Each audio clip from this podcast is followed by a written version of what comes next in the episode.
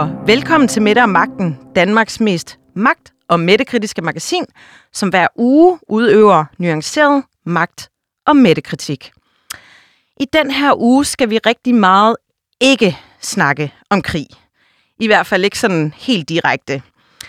Den dækning får I nok alle mulige andre steder, og øh, de sidste par uger, der har Ukraine-situationen fyldt rigtig meget i mediebilledet, så jeg synes egentlig, at vi trænger til nogle andre perspektiver og nogle andre vinkler. Det betyder ikke, at vi ikke kommer til at nævne krigen, fordi det kan man faktisk ikke lige for tiden, hvis man skal tale om politik. Men øh, i den her udsendelse, så fokuserer vi lidt mere på nogle af de politiske mekanismer, der går i gang, når en krisesituation opstår. Først har vi politisk kommentator fra Berlingske, Bent Winter, med i studiet. Han kommer og taler lidt om, hvad den her krig i Ukraine betyder for en potentiel valgkamp for Mette Frederiksen. For øh, skal man lytte til jungletrummer og vandrør og små fugle, der synger rundt omkring, så er den måske slet ikke så langt væk, som vi tror, og skal jo i hvert fald senest overstås om en 15 måneders tid. Så i kølvandet på en øh, coronakrise, er det en Ukraine-krise så en øh, velsignelse eller en forbandelse for statsministeren, hvis man tænker på et genvalg. Og så skal vi tale om nogle andre mekanismer, der går i gang, når en krisesituation opstår. Vi har tidligere folketingsmedlem for Venstre og nuværende sekretariatchef for Moderaterne, Jakob Engel Schmidt, med i studiet. Han har nemlig rettet en øh, ret kras kritik mod øh, de politikere og debattører, der udnytter den her situation for egen vindings skyld. Øh, og så kommer 24-7's politiske redaktør Emil Winkler i studiet. Og så kommer der til sidst måske et lille rant af Kirsten Birgitske dimensioner om, hvad jeg synes om mange danskers måde at håndtere en øh, situation som den her på på sociale medier. Så det kan I glæde jer til, eller lad være med at glæde jer til. Velkommen til Mette og Magten. Jeg hedder Anne Kirstine Kramon.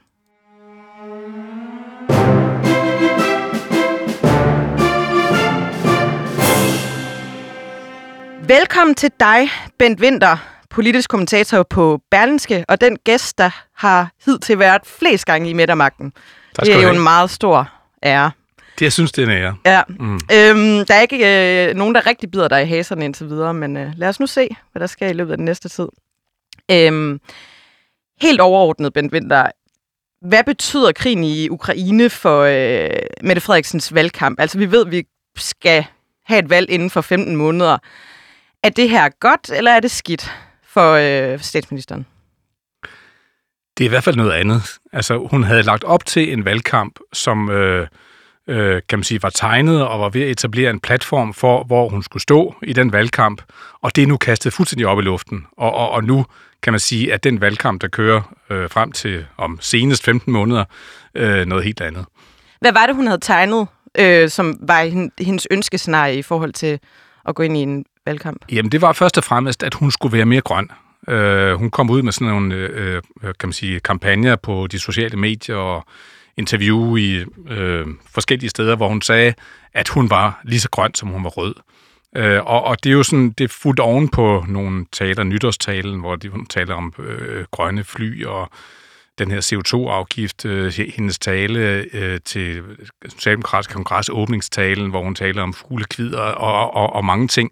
Så, så hun er på vej til at gøre sig meget grøn, og det er det, hun skulle vinde valget på. Plus selvfølgelig det, som er det sædvanlige, øh, kendte socialdemokratiske, nemlig at øh, at Socialdemokraterne står for, står for mere velfærd, mens de borgerlige bare vil sætte skatten ned.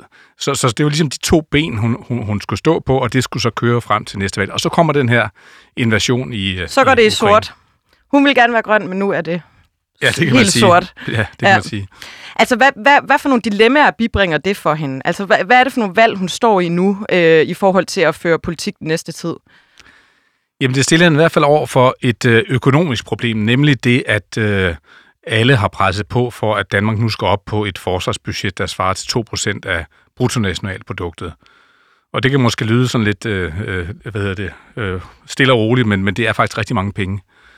Øh, og, og, Hvor mange penge er det? Jamen det er, øh, hvis man regner frem til 2035, så er det 18 milliarder kroner. Okay. Ikke, ikke et indgangsbeløb, hvert år 18 milliarder kroner. Og det, Ja, det svarer ved sådan til, til to øh, efterlønsreformer, var der nogen, der, der, der havde, havde gjort det op til. Så, så det, det er øh, mange penge. Og hvis man skal ud og finde den slags penge, så skal man enten låne dem, man skal lave reformer, man skal hvad hedder det, sætte øh, stigningstakten i de offentlige udgifter ned, øh, eller man skal sætte skatten op. Og, og ingen af de dele er særlig gode at føre valgkamp på, øh, så at sige. Så, så, så det er, kan man sige, det der spil omkring, hvad der skal finansiere den udvidelse af forsvaret, som øh, regeringen nu er gået med til. Altså lige nu foregår der nogle hemmelige forhandlinger i statsministeriet, og det, det forlyder, det er jo, at, at regeringen ligesom har accepteret, at de der 2 procent, det er det, der er, er målsætningen. Ved vi, hvem der er med til, til de her forhandlinger? Har vi ja, efterretninger om det? ja, det er i hvert fald øh, altså, øh, Venstre og Konservative, og så er der øh, støttepartierne øh, SF og, og, og Radikale Venstre. Så det vil sige, det er sådan de her fem øh, gamle partier, der, der sidder og, og skal prøve at, at nå et, nogen har kaldt det for et nationalt kompromis omkring, hvad er det egentlig, vi gør, både med danske forsvar. Så er der en diskussion omkring, skal vi have en, øh, en folkeafstemning omkring det her EU-forbehold. Danmark har et, et forbehold over for for forsvarssamarbejde i EU. Det var det, vi stemte om i 15. Var det ikke det? Øh, Forsvarsforbeholdet? Nej, det var faktisk, hvad hedder det, øh, retsforbeholdet. Nå, det er rigtigt. Ja, ja my så, bad. Så, så, så det her, det har ikke...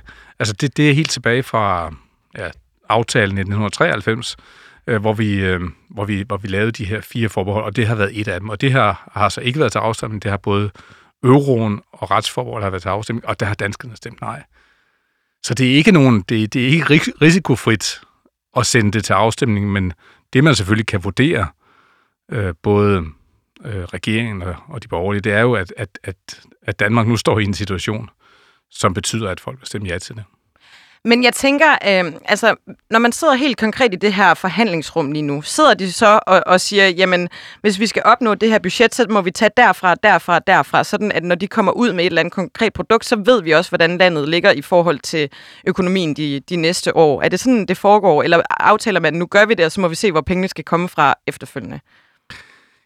Jamen, det er et meget godt spørgsmål, fordi, fordi det kan man, altså man kan jo godt vælge at sige, at vi laver en principbeslutning om, at vi skal nå øh, de 2 procent og de 18 milliarder i, lad os sige, om, om 10 år øh, i forhold til forsvarsbudgettet, som udløber i 23, så det vil sige 33, eller man kan sige 35 eller et eller andet. Og så kan man sige, at det har vi besluttet, det har vi nu et flertal for, og så må vi hen ad vejen finde ud af, hvor pengene skal øh, findes. Men vi ved jo også, at det er jo ikke særlig troværdigt. Altså som, som journalister, så vil vi sidde på det pressemøde og sige, hvor skal pengene komme fra? Og vi vil spørge alle hver, øh, hvor de skal komme fra det er ikke sådan, at man sidder og siger, jamen, så tager vi øh, en chat penge fra sundhedsvæsenet og, og lidt derfra fra, fra øh, overførselsindkomst, eller hvad man kan finde på. Der findes sådan nogle, kan man sige, nogle, nogle procenter, for eksempel, altså, at, at, at øh, er der enighed om, at øh, udgifterne til velfærd skal stige med samme takt som, øh, som dem, demografisk udvikling og sådan noget. Det kan man selvfølgelig sætte op og ned. Øh, der er også, kan man sige, skatten, den kan jo også sætte os op og ned. Øh, og endelig så kan man jo sige, at vi i virkeligheden acceptere, at vi ikke har øh, det, det, det, der kaldes en, en økonomisk holdbarhed i 2030, men vi har et underskud. Det vil sige, at, hvis, at kan man sige, så går vi ud og optager lån, og så får vi en gæld, en statsgæld, og det, det siger vi, okay, det gør vi så ind i med, med åbne øjne, fordi vi skal have rettet op på forsvaret. Og det, det er selvfølgelig også en, en, en mulighed, som, øh, som jeg ved, at nogle af partierne går ind for. Men er det ikke også, altså nu, øh, hun vil egentlig gerne øh, være ude og vifte med det grønne flag øh, rundt omkring og møde vælgere, kunne vi forestille os, men nu er, nu er vi landet i den her øh, situation. Er det egentlig ikke meget godt for hendes valgkamp øh, nu, at hun så faktisk indkalder til de her forhandlinger? Øh, bliver, bliver vælgerne ikke lidt ligeglade med alt det grønne og al velfærden og sådan nogle ting, når, når øh, der, der lige pludselig står en krigstrussel øh, lige, lige op og ned af, af døren, havde han sagt? Jo, det kan sagtens være. Øh, det kan sagtens være. Vi så jo i hvert fald i starten af, af coronakrisen, at uh, Mette Frederiksens popularitet den voksede virkelig, virkelig stort.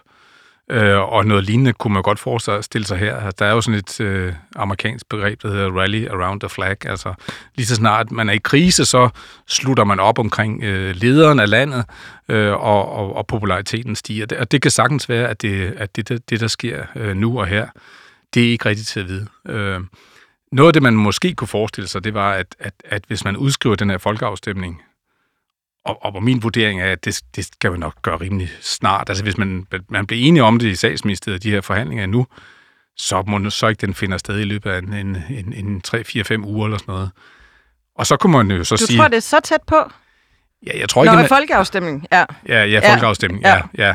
Og, og, og, og, og hvis, hvis det så bliver et ja, som Mette Frederiksen så håber, så har hun kan man sige, en sejr at stå ovenpå, som hun så måske kan, kan udskrive et valg til løbet af efteråret. Men hvis hun taber, så kan det godt være, at hun har det meget godt med, at, at der lige går et... At der kan gå et helt år. Ikke? Ja, fordi det er jo en eller anden, på en eller anden måde en ret unik situation. Vi har af og til talt om her i studiet, at Jens Stoltenberg i Norge jo ikke øh, genvandt magten efter Utøya, og Churchill ikke genvandt magten efter 2. verdenskrig. Men nu har vi faktisk en, øh, en regeringsleder, der står oven i to kriser, to ret øh, alvorlige øh, verdenshistoriske kriser.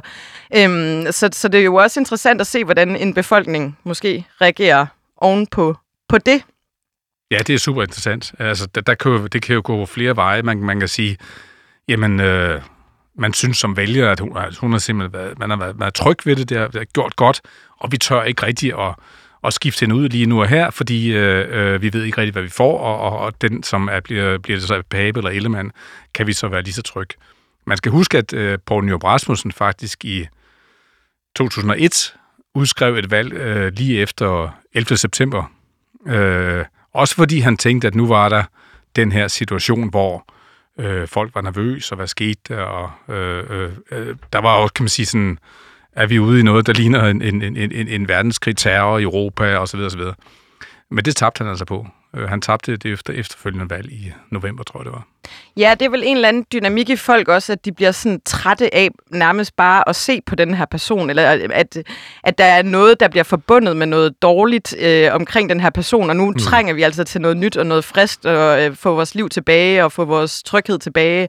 Det er vel de der mekanismer, der på en eller anden måde bliver, bliver sat i spil, når en, en, en leder, som egentlig har styret et land gennem en krise, ikke, ikke bliver genvalgt. Ja, så kan der jo ske mange ting. Altså, vi, vi, altså hvis nu man lader os nu sige, at vi har udskrevet valg til om en måned, altså, så kan krigen jo være slut. Der kan, være, altså, mener, der kan man sige være en rimelig øh, øh, kan man sige fredelig. Det er måske svært at se lige nu, men, men, men, men situationen kan godt være, være meget øh, forandret øh, på, på, på bare kort tid, øh, når man kigger på, hvad der sker i Ukraine lige nu. Ja, det virker ikke som om, at det er en, en treårsperiode, vi ser ind i, lidt som med corona. Det virker som om, at det er noget, der kunne godt blive overstået på ja, på ret kort ja, tid. det ser ud som om, det, det, det, de, de ruller hurtigt frem, øh, og, men så ved så ikke, hvad, hvad, hvad, hvad kommer der så til at ske der efter en langvarig guerillakrig, eller hvad pokker bliver det. Hvad kan vi sådan forvente fra oppositionen nu her? Altså er de øh, endnu en gang handlingslammet, som vi så i, i starten af coronakrisen, eller, eller spiller de lidt mere ind, end, end de gjorde sidste gang, havde, havde han sagt? Altså det, altså det, der oppositionen jo gjorde i starten af coronakrisen, det var jo, at den bakkede meget op om, om, om Mette Frederiksen. Alle kan huske det her billede, hvor de står ude på planen foran uh, Marienborg i deres hvide kondisko. Og, og... Snevider, de syv små dvæve, er det ikke det, vi kalder det? Ja, lige præcis. hvor de stod ikke? med corona-afstand. Og, ja. ja. Og, og, og, og, og sådan en situation er vi lidt havnet i igen. Ikke? Altså, der er ikke... Oppositionen vil gerne være ind og, ind og spille med. Der er ikke, altså det, hvis man begynder at, at, at lave for meget ballade, og vi vil ikke være med til det ene og det andet og tredje, så tror jeg også, det bliver opfattet som øh, øh, upatriotisk på en eller anden måde. Altså opfattet som om, man måske ikke rigtig øh, vil Danmark det så godt, som, som politikere selvfølgelig skal ville, hvis man skal vinde et valg. Men var der ikke nogen sådan fakler, der burde gribes lidt øh, mere? For eksempel Søren Pape, altså de konservative og forsvaret. Altså det er jo en af deres mærkesager og, og styrke forsvaret, vi skal have et stærkt forsvar. Altså burde de ikke øh, komme lidt hurtigere ud over stepperne og markere sig lidt mere i, i det her?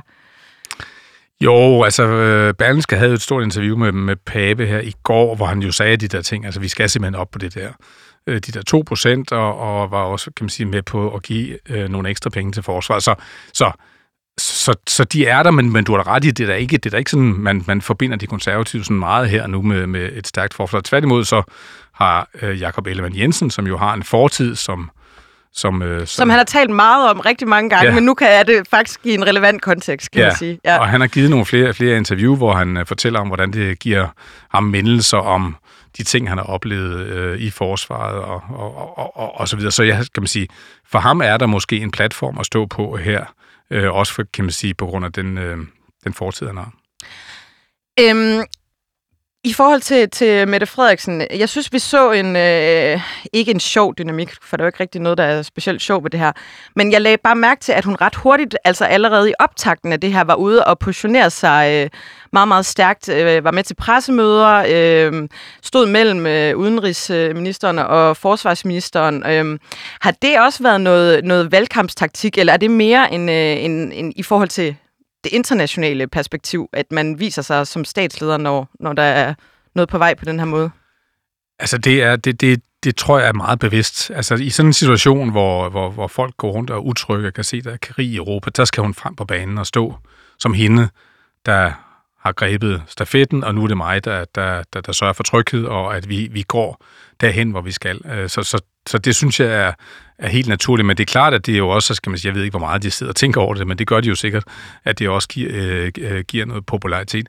Og så kan hun jo kigge til Tyskland, hvor, hvor den, den, den tyske kansler Olaf Scholz øh, jo meget kort tid efter gik ud og sig, sagde, at nu lægger vi simpelthen 100 milliarder euro på bordet til, til forsvaret, og vi skal op på de 2 procent. Så, så, så der er også et pres udefra, og der skal man jo heller ikke underkende, at, at Mette Frederiksen er lidt i underskud, øh, sådan internationalt.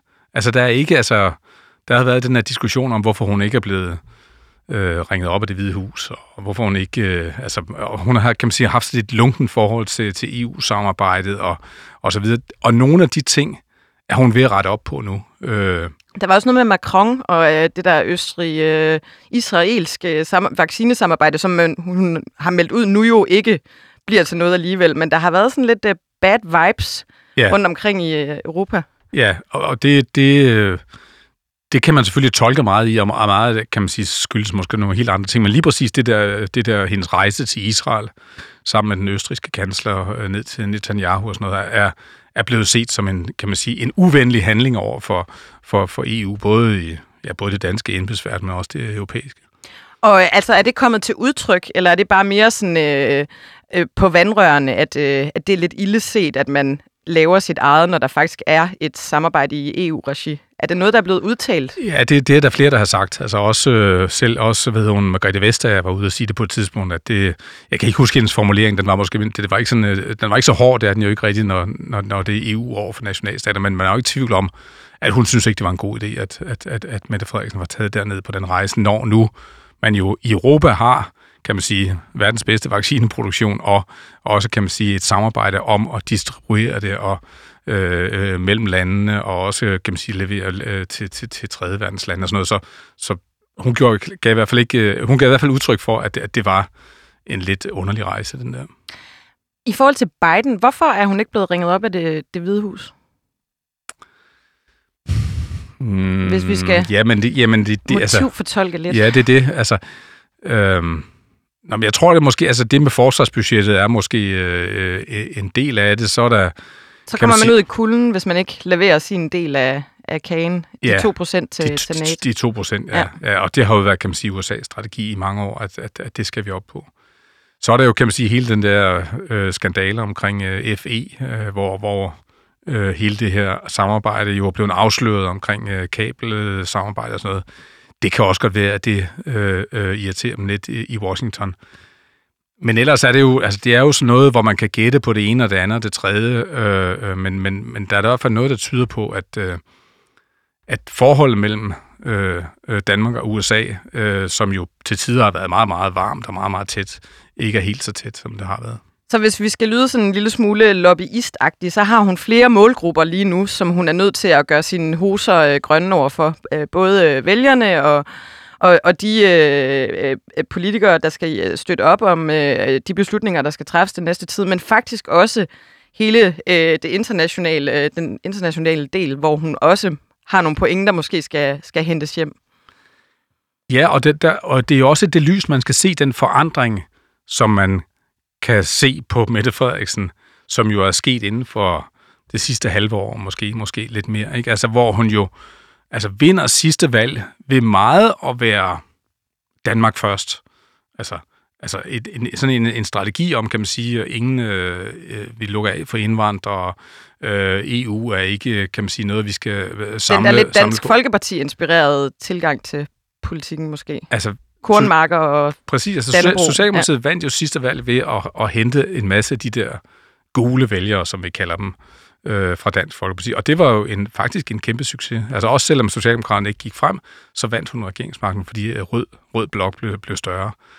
Øh, nu er hun jo så gået over i, kan man sige, i en, i en anden grøft, ikke? Og vi kan se hendes Instagram-profil, og der handler det ikke så meget om makralmad og meldninger. Det handler der. om Shakespeare og Præcis, det kongelige og det har I teater. sikkert ja. også snakket om her Ja, i Midte ja. og Magten, ikke? Altså, Ja. Og, og, og, og, øh, øh, og, og, og, og den forandring omhandler også det internationale. Øh, Mette Frederiksen gav et stort interview til, til Altinget her for nylig, hvor hun sagde, at, at Danmark hører simpelthen til i hjertet af EU og et hjertet af, af, af, af NATO. Og det er lidt, er lidt nogle, øh, nogle nye toner. Og, og de her ting, der, der sker nu også, det her pressemøde, hvor man nu lukker op for, at, at amerikanerne kan, kan stationere materiel og personel og, og så videre i Danmark, bliver også, kan man sige, set i, i, i det lys. Der, er- det er en mere international Mette Frederiksen, vi ser nu. Så det er lidt af af et hamskifte. Så bliver det jo interessant at se, hvordan de danske vælgere tager imod det. Altså om, om de køber, øh, det er jo en, som man i kommunikation ville kalde en rebranding-proces, hun er ude i. Mm. Men det ved vi jo ikke, før vi... Ja, ja, ja, hvordan vælgerne... Ja, ja, fordi skubber hun så de der vælgere fra, som hun fik i, øh, i, i 19? Altså alle de der øh, Dansk Folkeparti-vælgere, gule vælgere, hvad jeg skal kalde dem, begynder de pludselig at se på Mette Frederiksen som, jamen, øh, hun havde lovet os, og nu var det provinsen, der skulle have, og ikke København, og det var almindelige arbejdere, og ikke akademikere, og det var Danmark, og ikke EU, og alt muligt andet. Altså, får det den effekt? Og det, det, må, det, må, det må man jo sidde og tænke over, øh, over inde i, i, i Socialdemokratiet, fordi man kan jo ikke sådan bare rebrande sig, uden at det, det også har nogle omkostninger.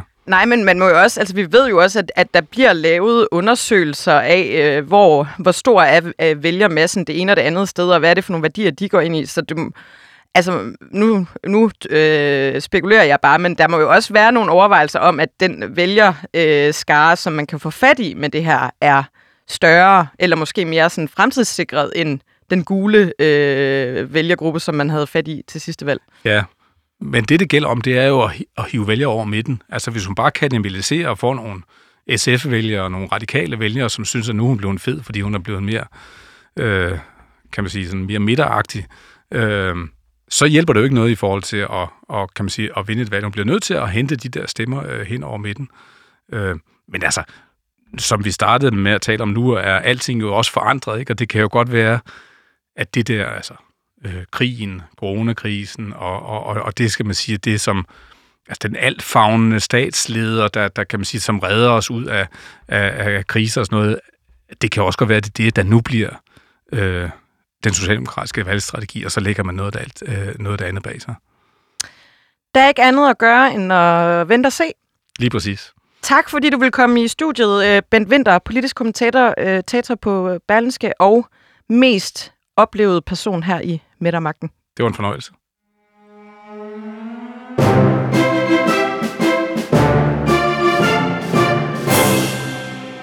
Jakob Engel Schmidt, du er tidligere folketingsmedlem fra Venstre, og nu er du så øh, sekretariatschef i Moderaterne og øh, den politiske biwak, undskyld, det politiske mødested. Velkommen her i studiet. tak skal du have. Det er havde altid dejligt med en lidt humoristisk joke. introduktion, ja, ja, ikke? præcis. Øhm, grunden til, at du er her i dag, det er, fordi du har skrevet et debatindlæg i øh, Politikken, hvor du øh, anklager nogle af dine øh, tidligere politiske kollegaer og nogle debattører, unavngivende, for at udnytte de begivenheder, vi ser finde sted i Ukraine lige nu. Hvordan mener du, at øh, de udnytter dem? Jeg synes desværre, der er en tendens til, at nogle debattører og politikere virkelig har trykket speederen i bund på sådan en indenrigspolitisk pointjagt. Hvis der regeringen foreslår at gøre noget i dag, så er der mange, der råber op. Farvet, det skulle være sket for 3-4 dage siden. Alle dem, der på sociale medier er selvudnævnte eksperter på corona, er nu blevet selvudnævnte eksperter i forhold til Ukraine. Har man rejst i en krigszone, det har jeg desværre, øhm, besøgt danske soldater, så ved man, hvor meget elendighed sådan nogle steder er fyldt med. Hvor meget det går ud over helt almindelige mennesker, og hvor meget der bliver udlagt. Og det er ikke fordi, at jeg tror, at den indrigspolitiske debat stopper og bliver bedre af sådan noget sker, men jeg håbede på, og det synes jeg ikke er sket, at vi kunne bevare en vis værdighed i debatten, hvor seriøsiteten og den kollektive front, politikere og debattører har over for offentligheden og befolkningen og vælgerne, kunne blive holdt i et, en seriøs grad. Og det synes jeg ikke er sket på alle områder. Og det er jeg faktisk en lille smule ked af, fordi det påvirker den måde, folk ser politikere og beslutningstagere på. Og det er ærgerligt. Så det er sådan en branding-ting for politikere og, øh, og beslutningstagere derude, at de skal fremstå lidt bedre, så vi kan tage dem Ej, lidt mere seriøst. Men lad os tage det første eksempel, jeg har skrevet i mit debatindlæg, ikke? Ja. som handler om SWIFT. Der er ikke så mange mennesker, der i dag i Danmark overfører penge til udlandet sådan på ugenligt basis. Men SWIFT er bankernes internationale kommunikationssystem. Hvis du boede i øh, et sted i Sydeuropa, og jeg skulle sende nogle penge til dig, ville jeg bruge det her SWIFT-system, for det vil gå nemt og effektivt.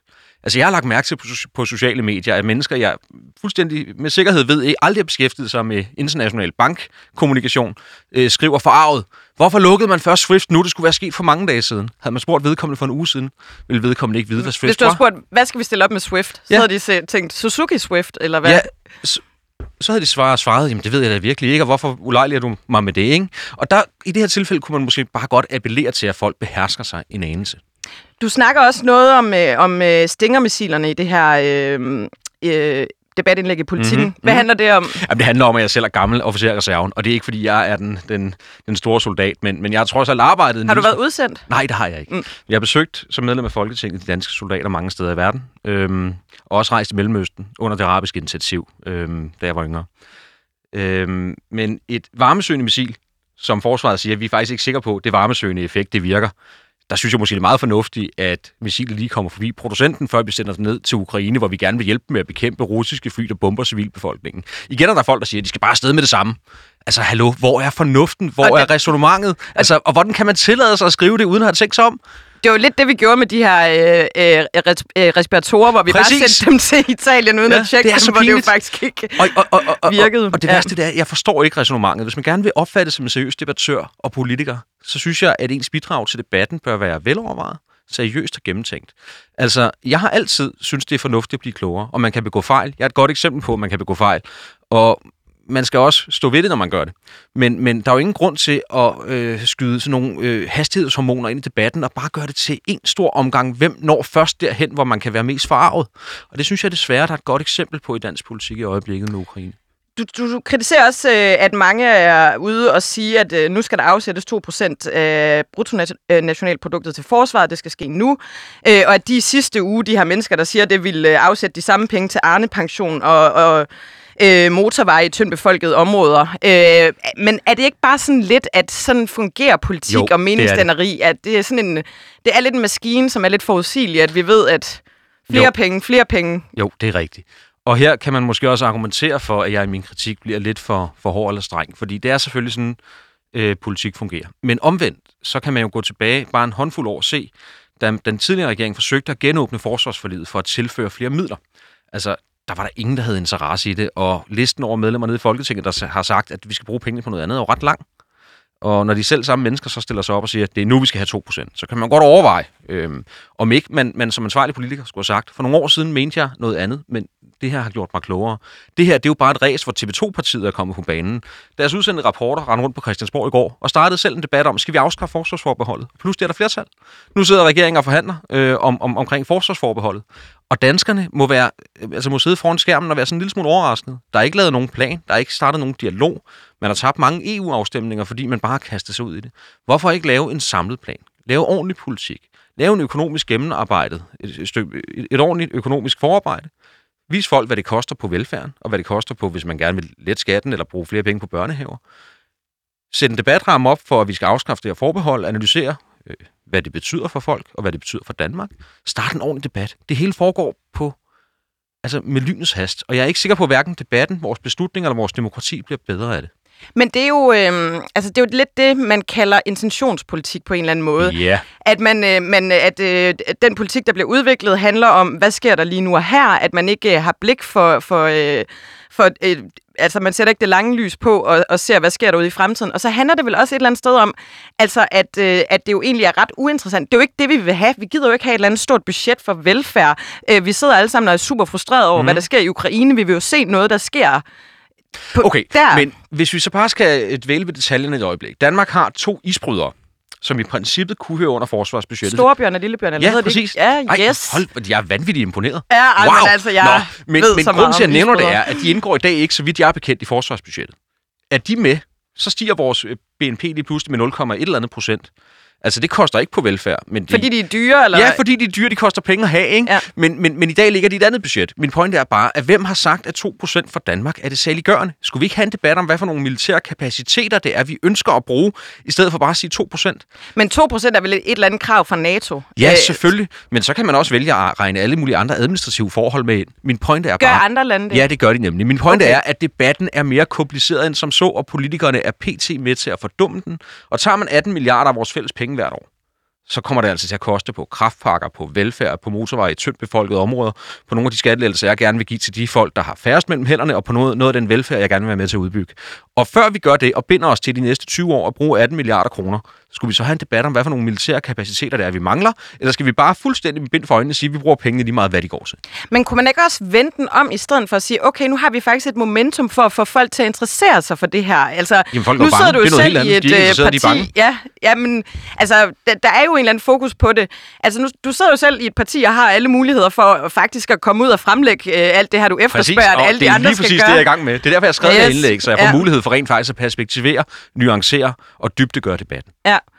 Øh, fordi jeg, jeg tænker også, at øh, du peger jo meget på en overordnet struktur. Det er jo noget, vi har diskuteret også hele vejen igennem corona. Folk, der sidder derhjemme, øh, er mandagstrænere, Mhm. mm-hmm. ved altså, alle, alle er lige pludselig biologer og ved det ene og og det andet, og det skal jeg heller ikke selv sige Ja, mig og fri fake for, at news jeg har ikke fået har. vækst, øh, altså chok, Ja. ikke? Øh, og, Men hva, altså, hvad er løsningen på det? Er det bare nuancerede debatter og, og fremlægge budgetter? Og, altså, hvad gør vi?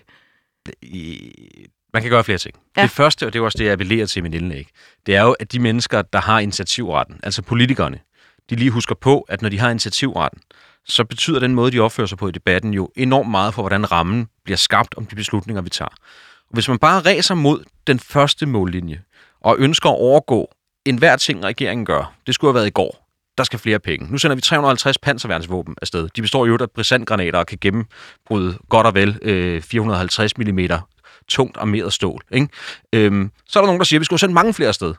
Men altså, hvor, altså, jeg, jeg, jeg, jeg synes bare, at debatten bliver så fordummet af det, og det synes jeg er ærgerligt. Men skal, hvad skal man gøre? Skal man have en eller anden sådan kollektiv mus-samtale med alle politikere, og så sige, nu prøver vi lige, altså... Fordi der er jo en, en chance for, gætter jeg på, at øh, nu øh, stiller Moderaterne op til et valg. Øh, jeg ved ikke, om du selv stiller, op, og det kommer Det du sikkert heller ikke til at, at, at sige her, hvis det nu var. Men, men, øh, Men du må altså, godt invitere mig på besøg igen, når vi når dertil. Ja, jeg ved men det. altså, fordi er der ikke en chance for, at du selv kommer til at, at stå og fyre det, det samme pølsesnak af, hvis du lige pludselig står i en position, hvor du har en eller anden form for, for magt, eller du er i opposition, eller... Altså en af de ting, jeg har været stolt af i den tid, jeg har været i politik, der er også meget, jeg er ked af, det er, at jeg har altid forsøgt at både tale øh, om detaljer, og have et klart argument, der har været velfunderet i et godt belæg.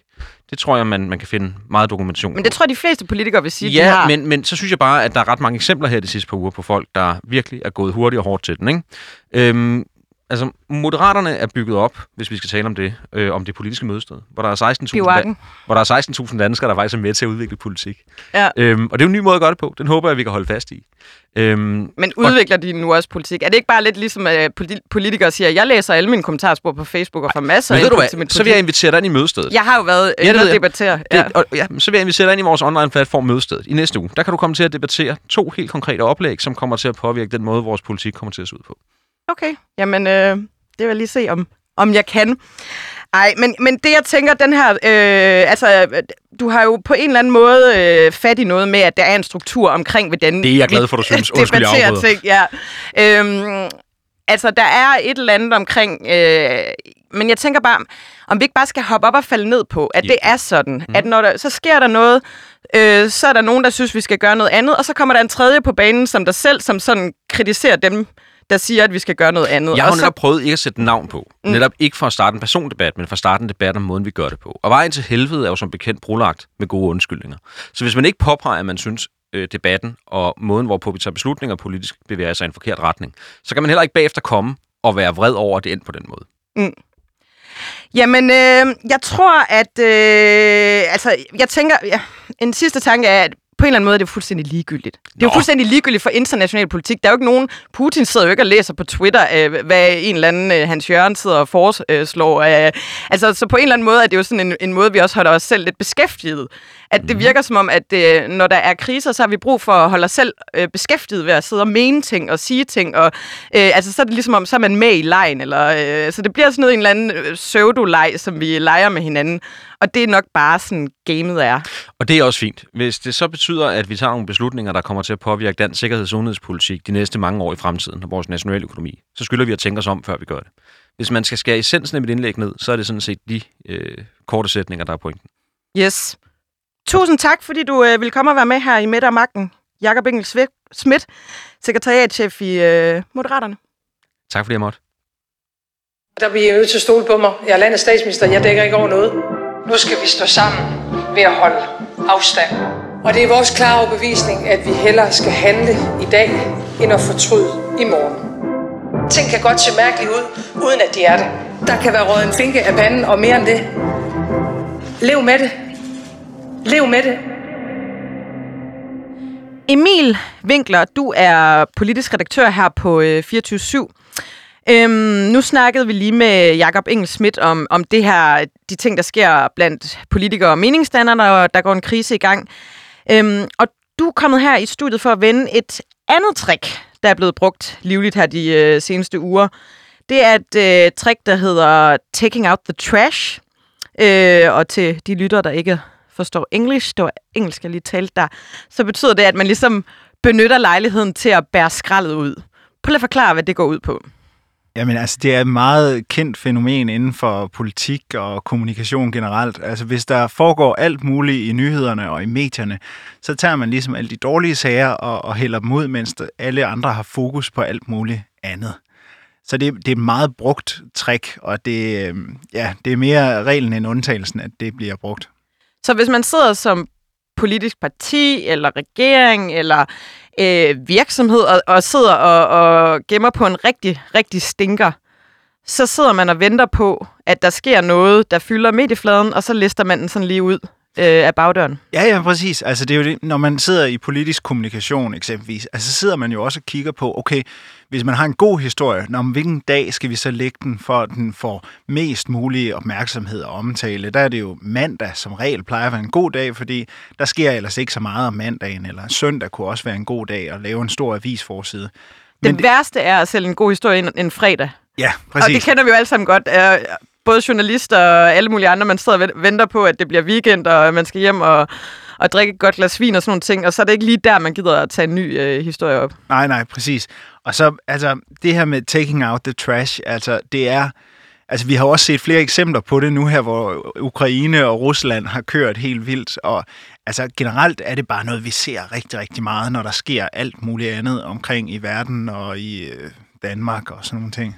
Jamen, før vi lige går til Ukraine, jeg har nemlig researchet lidt, mm. øhm, og, og øh, fandt ud af, at det faktisk er, øh, det her taking out the trash er et øh, begreb, der øh, stammer fra den tv-serie, der hedder The West Wing, hvor der er et afsnit, der hedder Taking Out the Trash, okay. øhm, hvor man netop benytter, øh, der sker nogle ting øh, for præsidenten i, i, i serien, og så benytter man lige lejligheden til at, at liste nogle andre ting øh, under bagdøren. Og jeg synes bare, det er meget interessant, hvordan øh, det er jo en, en serie, der handler om politik, som så faktisk bliver til et begreb inden for, for politisk kommunikation. Men i forhold til øhm, Ukraine, altså, har der været noget taking out the trash her, her de sidste øh, par uger? Jamen, det har der da i høj grad. Altså, i fredags, der kom øh, evaluering af den evakuering, man lavede øh, i Afghanistan i, i sommer. Og øh, den, den, den evaluering øh, er jo en mulig dårlig historie for øh, regeringen, hvis de begynder, hvis journalister begynder at grave for meget i den og så videre. Så derfor så hælder man den ud sådan en fredag eftermiddag, hvor øh, russerne er ved at invadere Kiev og alt muligt. Ikke? Altså, og øh, det samme så vi også i fredags med øh, vaccineproduktion. Mette Frederiksen, hun stod jo stort og flot sammen med Netanyahu og med, øh, hvad hedder han? Den østriske ja, Kurz, Kurz, Kurz, ja. Sebastian Kurz. Tidligere kansler, ja. Ja, de stod jo dernede til Netanyahus øh, premierminister valgkamp og sagde, at vi skal samarbejde om vacciner og alt muligt. Og øh, det kørte ligesom det spor, og øh, regeringen havde lagt nogle penge af til det i øh, finansloven. Det blev støttepartierne sure over. Og så i fredags, så kommer der en lille notits ud på, øh, på, på nettet, hvor der står, at vi har droppet det der vaccinesamarbejde. Vi, jeg med, vendte lige kort med, med Bent Winter, øh, politisk kommentator på Berlingske, der var i studiet her før, øh, i forhold til, at det har jo hele tiden været mystisk, det her vaccinesamarbejde. Øh, vi har også, altså jeg har talt om det i, i programmet her øh, flere gange, også med Anne-Sophie øh, Allap. Øh, men, men der har været noget mystifistisk omkring det. Det er nok det nærmeste, jeg kan komme det. Og det har været svært at få nogle detaljer om, hvad det her egentlig skulle handle om. Øh, var det bare en, øh, et lille besøg i Israel øh, for at støtte op om øh, Netanyahu's øh, valgkamp? Hvad delen gik det her ud på? Ja. Øh, og noget af det, Ben Winter sagde, var jo også, at der er jo, nu hvor vi står i en international krise, nogle helt andre krav til øh, Mette Frederiksens øh, agering. Og netop øh, ageren, og det her er netop noget af det, hun er blevet lidt upopulær på i EU-samarbejdet. Macron har også været øh, rynket lidt på næsen af, af det der med at, og, øh, at stille sig an og lave nogle private i gåsøjne samarbejder uden om øh, det store EU-samarbejde. Så kan det tænkes, at grunden til, at man også lister den ud nu, det er, okay, vi er i den her internationale krise, det her, det skal vi simpelthen have helt væk fra bordet, så, så øh, Mette Frederiksen kan træde i karakter som international politiker med international udsyn også? Ja, men altså det, i EU, Det var et meget langt spørgsmål, sorry. men det, er altså, det er rigtigt, i EU-sammenhæng, der var man jo meget kritisk omkring det, fordi det var super usolidarisk, mente man fra, fra EU. Men jeg tror, jeg tror, ja, altså der er noget med det internationale spil og i EU-regi, men det er også lige så meget, fordi støttepartierne hader det her samarbejde. Altså det er alt, hvad enhedslisten og SF, de foragter, at, øh, at, at skulle samarbejde med Israel og med Østrig. Og altså helt ærligt, hvad, hvad har de, øh, de lande af kvalifikationer til at skulle øh, indlede et, et, et stort vaccinesamarbejde? Altså lad os lige huske på, at Israel, de producerer ikke deres egne vacciner. Mm. Altså, så, Så, så det, det var- skulle virkelig øh, stampes op af jorden, det hele. Ja, det, altså, det er jo et lidt, lidt spøjst samarbejde, er der flere, der har sagt. Ikke? Og, og, og nu var det jo så bare belejligt, at man kunne smide det, uden at tabe ansigtet fuldstændig. Fordi hvis vi medier ikke havde haft alt muligt at fokusere på den fredag, så var det jo blevet slået stort op. Breaking. Øh, regeringen, de øh, stopper deres vaccinesamarbejde, som inden det overhovedet var begyndt i øvrigt. Er det sådan, altså nu spekulerer vi, og det gør vi jo meget gerne i det her program, det er jo en del af, af præmissen. Altså er det, tror du, de har siddet og holdt på det? Øh, og så tænkt, nu nu. Ja, selvfølgelig har det det. Okay. Altså, det, ja. det, det, det, jeg har ikke et græn tvivl om, at de selvfølgelig har siddet og holdt på det. Altså, hvad med den der Afghanistan-rapport? Kan det ikke bare være sådan, "Ej, men nu er rapporten færdig, så sender vi den lige ud? Nej, sådan er altså, så god er verden simpelthen ikke. Altså, det, øh, altså, det, det er jo meget, en meget smuk tanke, øh, hvis det skulle være sådan, men, men, men sådan er det simpelthen ikke. Hvis vi nu forestiller os, at øh, den har ligget i nogle forsejlede kuverter, den her Afghanistan-rapport i fire dage. Det var jo netop det, det var faktisk lidt den modsatte effekt, vi så med, med de her øh, mink-sms-ting. Øh, Ja. ting, der, det er jo øh, den omvendte taking out the trash. Der Ja. holder man the trash inden for huset, øh, indtil det ligesom øh, passer. Jamen, det var også det, der var spøjst med de der sms'er, det var, at man åbenbart havde siddet med det, og så var der lige en kommunalvalgkamp, der lige øh, skulle... Skulle overstås. Ja, præcis. Ja. Og så hov dagen efter. Vi kunne jo ikke øh, genskabe og så videre, Ja. hvad der ja. nu ellers blev sagt der. Men altså, er det ikke bare uh, the name of the game?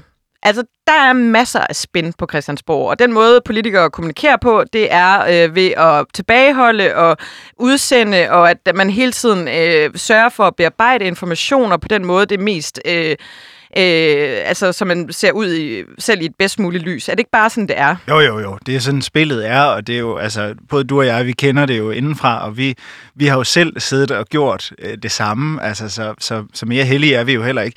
Og altså, spørgsmålet er, hvor Tal stort, for dig selv.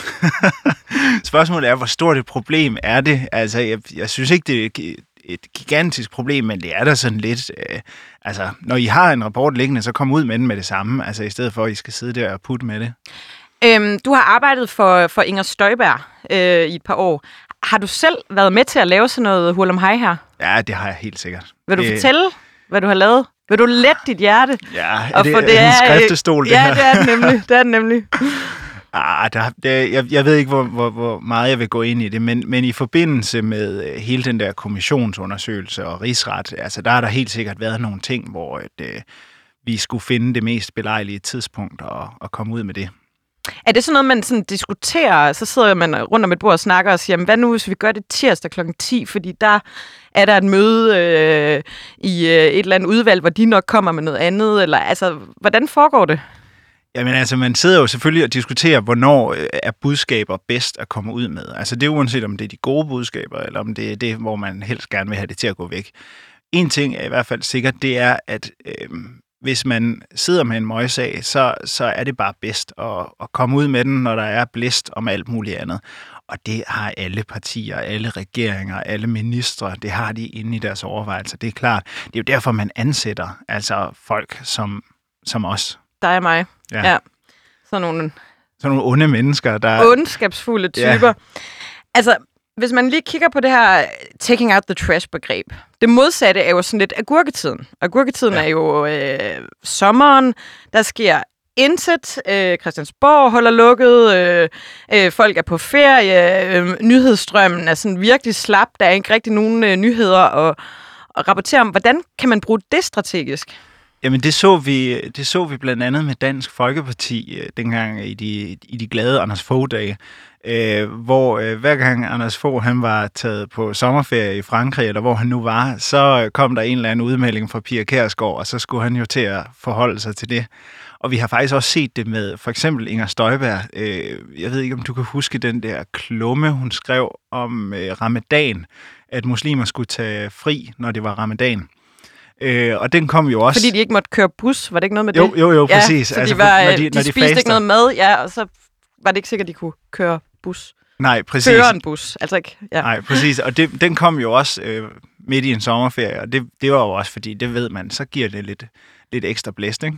Men er det noget, man gør, fordi man ikke selv har tyngde nok til at bryde igennem lydmuren ellers, eller gør man det også? Altså, for eksempel, når du siger, at, at få er på sommerferie og sidder måske nede i Sydfrankrig og, og nyder et dejligt glas vin, er det også bare sådan lidt øh, drilleri, sådan for at få... Øh, altså, nu skal han potentielt afbryde sin ferie og, og kommentere på det her.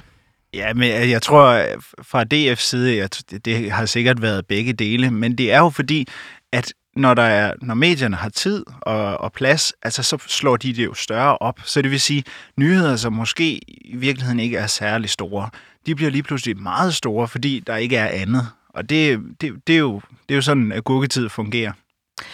Hvor skal man holde øje, tror du? Har du et bud? Du behøver ikke, øh, det er helt okay, hvis du ikke har et. Men er der et eller andet, vi skal sådan holde øje med, om det bliver listet ud her den næste tid? Kan vi komme på noget? Hmm. Har vi nogle Kunne- stinker, kunne der ligger kunne og venter? et eller andet med de der mink der? Kommer der noget, øh, noget nyt? Øh... Altså, i virkeligheden ville det jo være en fordel, altså hele rapporten, hvis den udkom øh, nu, så vil den jo også, den vil selvfølgelig stadig få fokus, men den vil jo måske gå lidt mere i, i glemmebogen, end, end den vil gøre under normale omstændigheder. Ja. Ja. Den skal jo først udkomme til sommer. Det kan godt være, de er blevet øh, bedt om lige at speed processen en lille smule op. Men altså, jeg kunne godt forestille mig, at øh, der kunne ske noget omkring hele det der FE-sag. Altså øh, Claus Hjort, at sigtelsen måske bliver frafaldet, eller øh, hvad hedder han, øh, Lars Finsen, eller et eller andet. Der, jeg kunne godt forestille mig, at der kunne ske et eller andet der, fordi det, det er en potentiel øh, møgssag. Altså, Og også i et internationalt øh, øh, perspektiv, Ja, hvor for- vi jo er meget afhængige af, af et samarbejde på, på tværs af lande lige nu. ja, og, og, ja, præcis. Og lige nu, altså efterretninger, det er vi jo super afhængige af. Lad os se, hvad der sker. Tusind tak, fordi du ville øh, komme øh, i studiet, Emil Winkler, politisk redaktør her på øh, 24 Selv tak.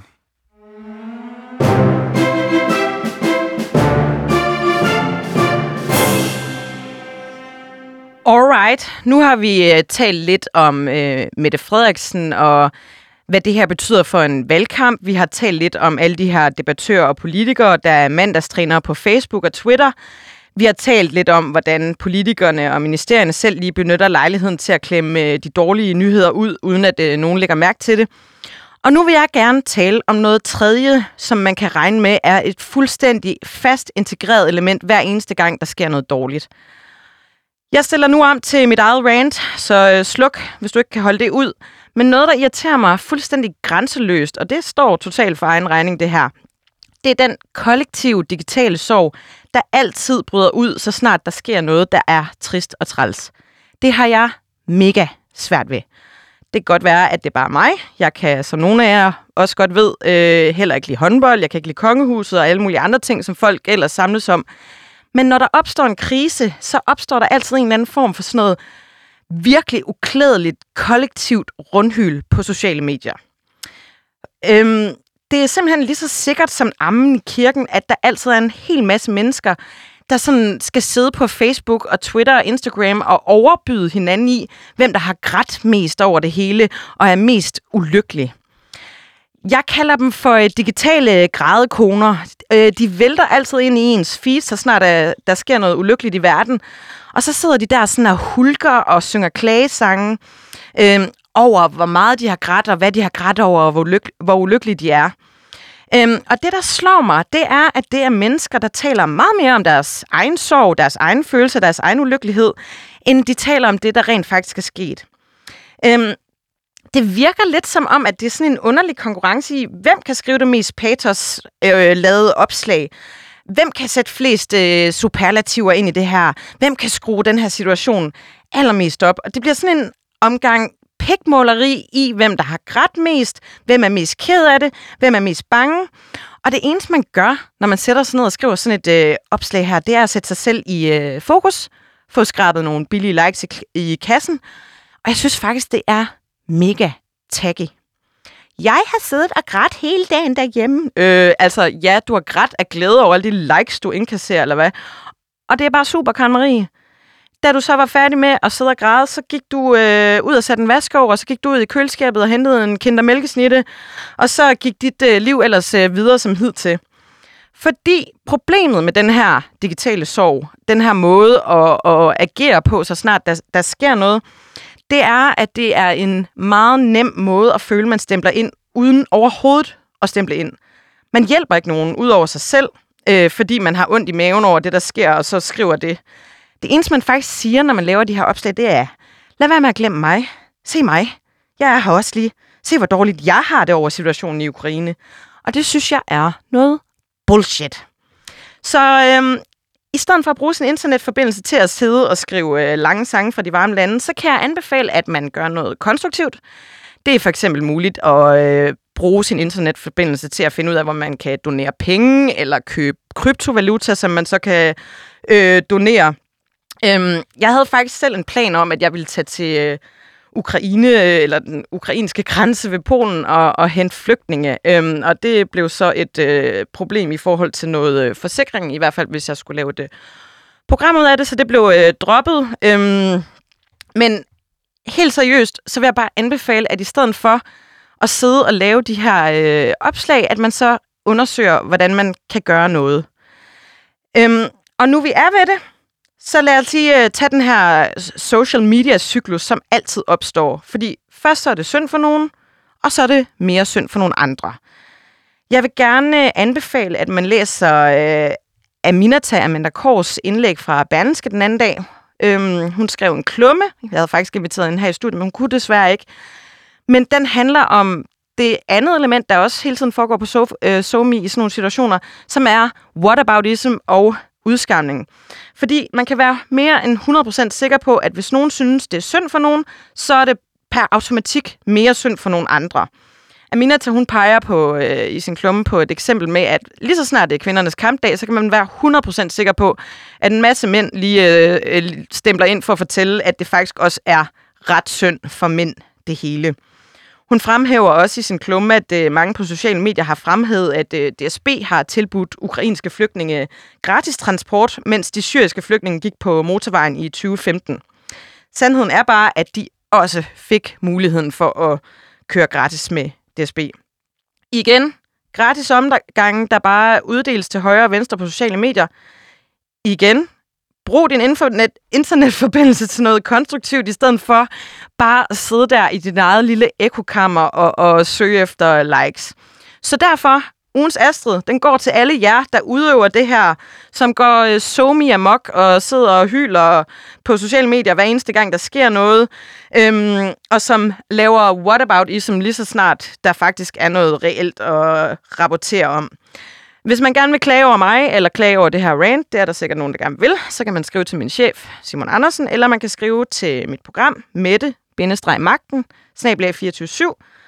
Din henvendelse vil, vil blive øh, behandlet inden for 10-100 hverdage. Tak fordi du lyttede til Mette og Magten. Jeg hedder Anne Kirstine Kramon.